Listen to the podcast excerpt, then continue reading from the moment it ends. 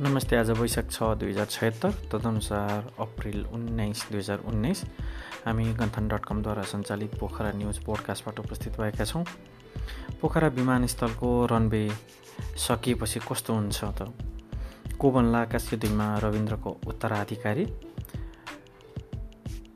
शुक्रबार र शनिबार देशभर भिटामिन ए र जुकाको औषधि खुवाइने। Lions club of Pokhara peace सिटीमा सिग्देल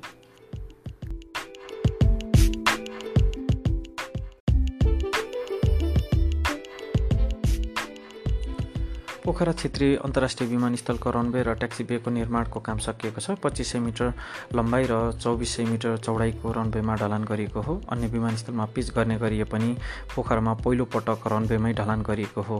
यो वर्ष रनवे तिस वर्षसम्मको यो रनवे तिस वर्षसम्मको वारेन्टी रहेको छ।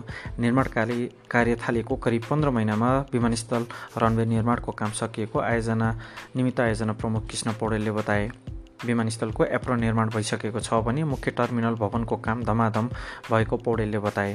दुई हजार एक्काइसको जुलाईभित्र निर्माण सकिने लक्ष्य भए पनि सन् दुई हजार बिसको डिसेम्बरभित्रै पोखरा विमानस्थलको काम सकिने उनले बताए। हामीले पोखरा विमानस्थलको रनवे सकिएपछि कर्मचारीहरूको रौनक विमा रनवेको फोटो र भिडियो प्रकाशन गरेका छौँ। हाम्रो वेबसाइट गन्थन डट कम र हाम्रो YouTube channel YouTube dot com slash Ganthan हेर्नुहोला। कास्की क्षेत्र नम्बर दुईका सांसद तथा तात्कालीन संस्कृति पर्यटन तथा नागरिक उड्डयन मन्त्री रविन्द्र अधिकारीको हेलिकप्टर दुर्घटनामा निधन भएपछि उनको निर्वाचन क्षेत्र खाली भएको छ। सरकारले उपनिर्वाचनको मिति घोषणा गरिसकेको छैन तर सम्भावित उम्मेद्वारबारे राजनीतिक वृत्तमा चर्चा परिचर्चा सुरु भइसकेको छ। सम्भावित उम्मेद्वारको रूपमा उनकै पत्नी विद्या भट्टराई नेकपा सचिवालय सदस्य वामदेव गौतमदेखि जिल्ला का नेतासम्मको नाम चर्चामा छन् तर वामदेवले भने आफू नउठ्ने र रविन्द्रको परिवारलाई प्राथमिकता दिनुपर्ने प्रश्न पारिरहेका छन्। हामीले यो खबर आजको नयाँ पत्रिकाबाट साभार गरेका हौँ जुनको विस्तृत खबर यहाँले हाम्रो वेबसाइट अथवा नयाँ पत्रिकामा पढ्न सक्नुहुन्छ।